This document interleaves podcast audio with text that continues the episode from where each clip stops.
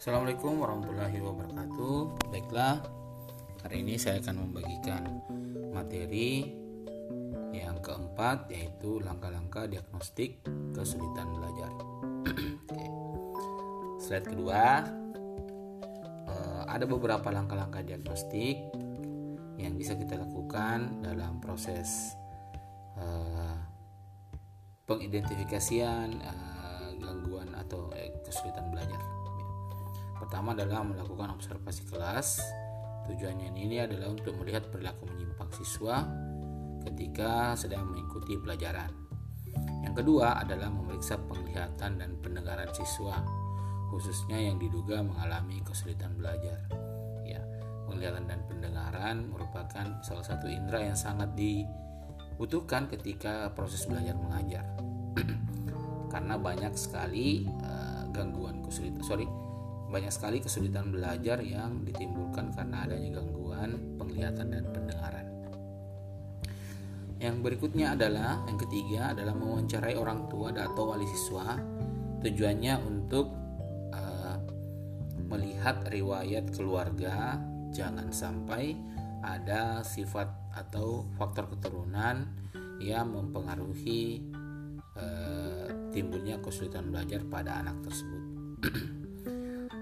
Yang keempat, memberikan tes diagnostik. Tes diagnostik ini atau biasa dikenal dengan tes kemampuan akademik atau tes potensi akademik. Tes potensi akademik ini uh, diberikan berdasarkan kemampuan masing-masing, baik itu verbal, numerikal, atau spasial. Uh, tes ini bertujuan untuk melihat kira-kira di bagian mana anak yang kita duga memiliki gangguan belajar itu mengalami kesulitan karena di tiap tes tersebut membutuhkan kemampuan yang berbeda-beda. Yang kelima adalah memberikan tes kemampuan intelijensi atau intelijensi atau IQ ya, khususnya kepada siswa yang mengalami kesulitan belajar. Tes IQ ini ada beberapa macam, sebentar saya perlihatkan beberapa tes yang bisa digunakan dan uh, sebaiknya tes IQ ini dilaksanakan oleh para profesional. Contohnya uh, sarjana psikologi atau uh, interpretasi pelaksanaan tes oleh sarjana psikologi minimal sarjana psikologi dan interpretasi tes dilakukan oleh psikolog. nah, di berikutnya ini ada langkah-langkah diagnostik yang kedua, artinya alternatif jadi Anda bisa memilih langkah pertama, Anda bisa juga memilih langkah-langkah diagnostik yang kedua. Langkah diagnostik kedua ini uh, dicetuskan oleh Abdurrahman uh, dengan menetapkan tujuh langkah. Yang pertama adalah identifikasi, ya. Identifikasi ini bertujuan untuk uh, mengetahui kira-kira anak-anak mana yang memerlukan uh, pelayanan uh, remedial atau perbaikan model belajar karena uh, kita ketahui kesulitan belajar memang berfokus kepada peningkatan atau permasalahan dalam bidang akademik. Nah, sehingga uh, proses identifikasi ini penting. Dasar dari proses identifikasi dilakukan melalui laporan guru atau uh, laporan guru atau sekolah ya. Tes hasil belajar, tes identifikasi penyebab kesulitan belajar. Nah, dari tes-tes tersebut atau dari informasi tersebut uh, kita dapat memperkirakan kira-kira dalam satu kelas itu atau dalam sebuah sekolah itu potensi yang mengalami kesulitan belajar itu ada berapa orang. Berikutnya adalah menentukan prioritas. Nah, setelah kita mengidentifikasi, lalu kita menentukan prioritas anak-anak mana kira-kira yang akan mendapatkan uh, pelayanan untuk pelaksanaan uh, remedial perbaikan uh, prestasi belajar. Nah, ada beberapa faktor yang harus ditentukan. Pertama adalah eh, jumlah guru, jangan sampai terlalu banyak yang kita rekomendasikan untuk mendapatkan pelayanan remedial, tetapi jumlah tenaga gurunya terbatas. Oleh karena itu, harus diprioritaskan sesuai jumlah tenaga yang tersedia. Eh, dan sebaiknya menentukan prioritas itu dibagi atas tiga kelompok yaitu uh, prioritas uh, berat, prioritas sedang dan prioritas yang uh, kecil. Ya, itulah itu uh, tujuan dari menentukan prioritas. Berikutnya adalah menentukan potensi. Ya, potensi yang dimiliki anak pastilah berbeda-beda Biasanya potensi anak ditentukan melalui tes intelijensi. Oleh karena itu, eh, setelah identifikasi anak dilakukan, maka diperlukan tes intelijensi. Ya, setelah potensi kita ketahui, diperlukan tes berikutnya yaitu tes intelijensi. Nah, eh, tes intelijensi ini bertujuan untuk uh, mengelompokkan anak kira-kira yang mana yang bisa mendapatkan uh, perlakuan secara kelompok, yang mana yang bisa yang hanya bisa dilakukan secara individual. Nah, itu tujuan dari uh, menentukan potensi. Langkah selanjutnya yang keempat adalah penguasaan uh, bidang studi remediasi. nah, berdasarkan analisis yang dilakukan para guru diharapkan uh, mampu menentukan bidang studi tertentu yang dianggap bermasalah.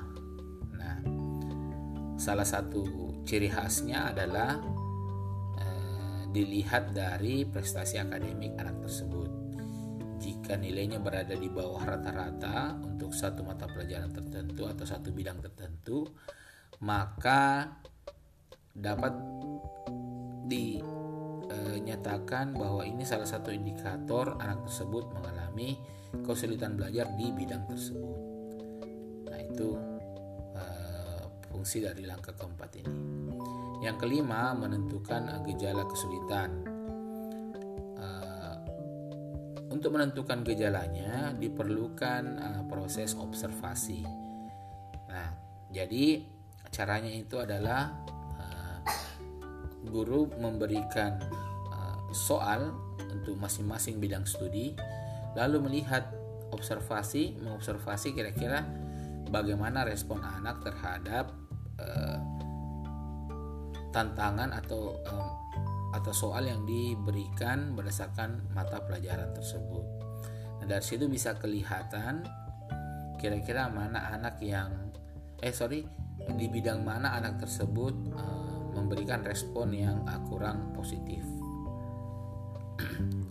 Nah, berikutnya melakukan analisis berbagai faktor. Pada bagian ini, guru melakukan analisis terhadap hasil belajar. Berdasarkan hasil analisis tersebut, eh, guru dapat menggunakannya sebagai eh, landasan untuk menentukan kira-kira strategi pengajaran mana yang paling efektif dan efisien untuk mengatasi kesulitan belajar anak tersebut. Yang terakhir adalah menyusun rekomendasi untuk proses pengajaran remedial atau perbaikan belajar. Ada tiga langkah yang dilakukan dalam proses perbaikan remedial itu, sorry, dalam menyusun rekomendasi remedial itu yaitu prognosis atau uh, uh, prediksi, yang kedua adalah treatment atau perlakuan, yang terakhir adalah evaluasi. Nanti di bagian akhir akan saya jelaskan. Nah, ini adalah jenis-jenis tes yang biasa digunakan untuk mengidentifikasi level intelijensi anak. Ada tes SPM atau Standard Progressive Matrix, ada tes WISE atau Wessler Adult Intelligence Scale, ada tes BINE tes bini ini sama seperti WISE tetapi khusus untuk anak sementara Wessler itu untuk uh, remaja ke atas terus ada terakhir adalah FACT Flanagan Aptitude Classification Test. Anda bisa lihat contohnya di internet eh, masing-masing dari tes tersebut modelnya seperti apa. Tapi cenderung setahu saya ke tes-tes yang diberikan ini rata-rata adalah tes yang sifatnya individual ya. individual yang berfungsi memang untuk menunjukkan intelijensi seseorang lalu langkah-langkah apa yang perlu dilakukan dalam uh, proses uh, penyusunan program perbaikan ya yang pertama adalah menganalisis hasil diagnostik. Jadi menganalisis hasil diagnostik itu uh, setelah dilakukan uh, tes awal, maka kemudian dianalisis oleh guru dengan bantuan profesional, lalu uh, dengan tujuan untuk mendapatkan gambaran tentang uh, situasi anak tersebut. Yang kedua adalah mengidentifikasi dan menentukan bidang yang memerlukan perbaikan ya. Jadi dari berbagai bidang itu kemungkinan ada bidang yang tidak perlu lagi mendapatkan uh, perbaikan yang terlalu banyak. Umpamanya di spasial dia kurang bagus tapi uh, masih bisa diterima berbeda dengan umpamanya di bagian numerikal dia sangat kesulitan maka lebih diprioritaskan untuk uh, melakukan remedial di bidang uh, perbaikan eh sorry melakukan remedial perbaikan di bidang uh, numerikal yang ketiga menyusun program perbaikan nah program ini disusun berdasarkan kebutuhan anak mungkin dalam prosesnya itu bisa satu bulan bisa dua bulan tiga bulan atau sesuai dengan hasil analisis tadi, sesuai hasil diagnostik tadi. Nah, setelah langkah di atas selesai, maka yang dilakukan terakhirnya adalah melaksanakan dan mengevaluasi program perbaikan ya. Jadi selain melaksanakan diperlukan pula evaluasi agar uh, dapat diketahui di mana kelemahan dari program-program yang telah diberikan. Berikutnya, saya akan menjelaskan tentang langkah-langkah menyusun rekomendasi perbaikan melalui pendekatan prognosis, treatment, dan evaluasi. Apa itu prognosis? Prognosis itu adalah ramalan, artinya dalam eh, tapi ramalan yang dilakukan secara ilmiah ya Eh, dalam prognosis uh, tujuannya itu adalah untuk kira-kira mengetahui bantuan apa atau treatment apa yang kira-kira dibutuhkan oleh seseorang yang sesuai ya. Yang sesuai. Nah dalam prognosis ada beberapa hal yang uh, harus di tetapkan yang pertama adalah kira-kira treatment apa yang akan digunakan. Yang kedua bahan atau materi apa yang diperlukan dalam proses treatment tersebut ketiga metode yang digunakan apa? Yang keempat alat-alat bantu pembelajaran yang diperlukan apa? Dan yang kelima adalah manajemen waktu. Ya jadwalnya berapa lama kapan dilaksanakan dan durasinya berapa berapa lama tiap pertemuan dan dilaksanakan berapa bulan.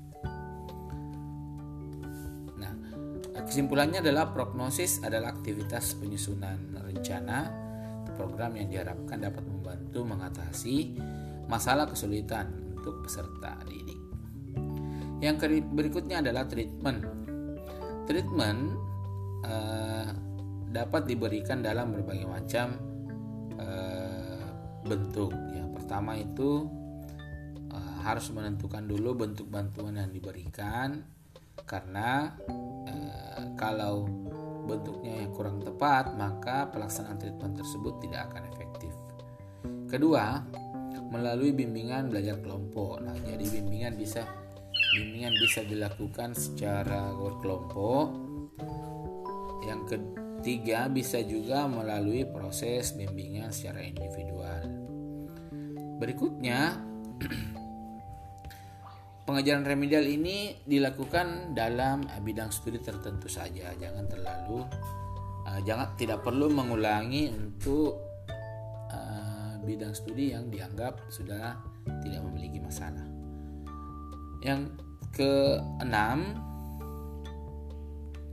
sorry yang kelima, pemberian bimbingan itu untuk mengatasi masalah-masalah psikologis. Jadi kadangkala masalah yang dihadapi anak itu contohnya ketika melihat soal-soal numerikal atau matematik yang timbul adalah rasa cemas, rasa takut. Nah, sebenarnya uh, treatment itu diharapkan dia mampu memunculkan potensi yang dimiliki uh, karena dengan adanya masalah psikologis biasanya potensi seseorang itu menjadi uh, tidak muncul ya atau terblocking ya. Terakhir adalah uh, pemberian uh, sorry melalui bimbingan orang tua ya. Bimbingan orang tua ini kenapa mesti orang tua? Karena orang tua adalah sosok yang paling uh, sering berinteraksi dengan uh, anak tersebut. Oleh karena itu dibutuhkan peran orang tua secara aktif untuk membantu proses e, mengatasi masalah kesulitan belajar pada anak tersebut. Jadi tidak bisa kalau hanya e, konselor atau e, psikolog yang melakukan proses e, treatment ini, ya. Hanya kalau kalau hanya dari profesional tidak dibantu oleh orang tua itu juga masalah. Nah.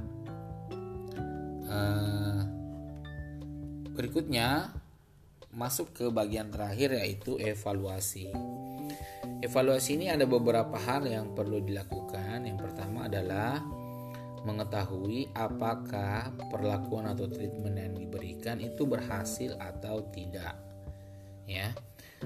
Caranya adalah melihat bagaimana situasi kondisi psikologis anak, apakah sudah merasa ada perkembangan dari umpamanya tidak nyaman menjadi nyaman bisa juga dilihat dari nilai prestasi akademik apakah mengalami peningkatan atau tidak. Atau bisa juga didapatkan dari laporan uh, orang tua atau orang laporan dari guru.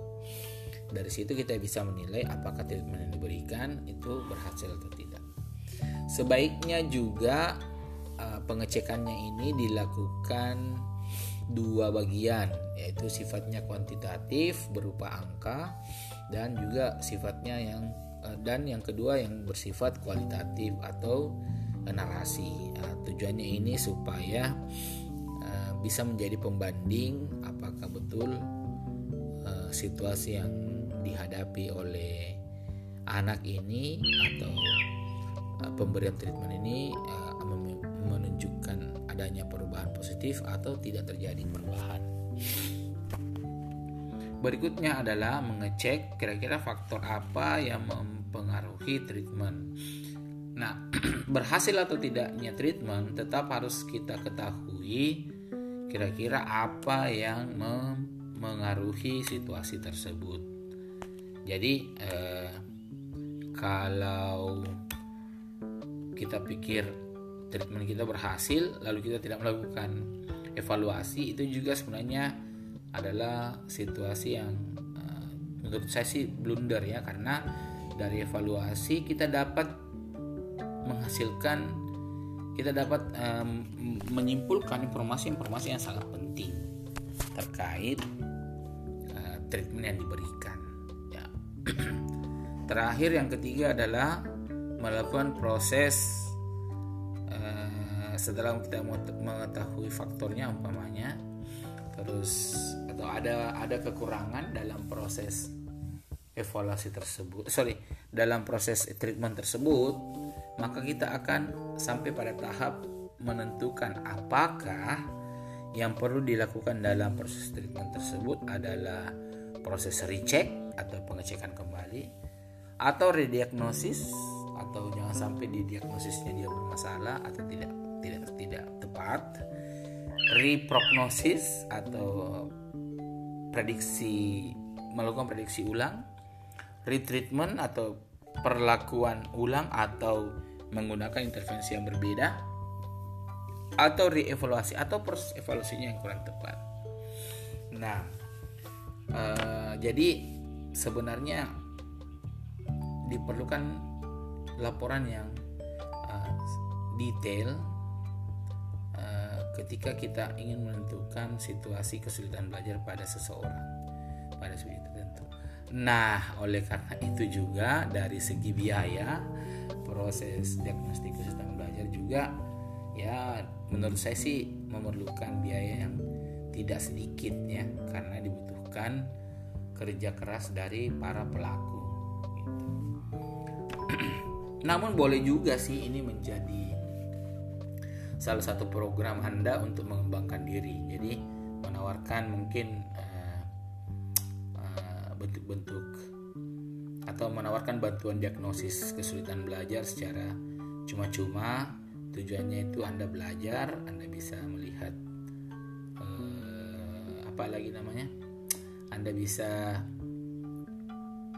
belajar bagaimana proses mendiagnosis kesulitan belajar secara nyata.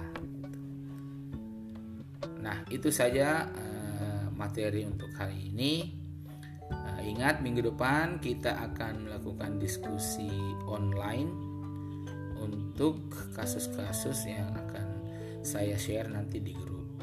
Saya kira cukup sekian materi hari ini. Terima kasih banyak dan saya tutup dengan ucapan Billahi taufiq wal. Wassalamualaikum warahmatullahi wabarakatuh.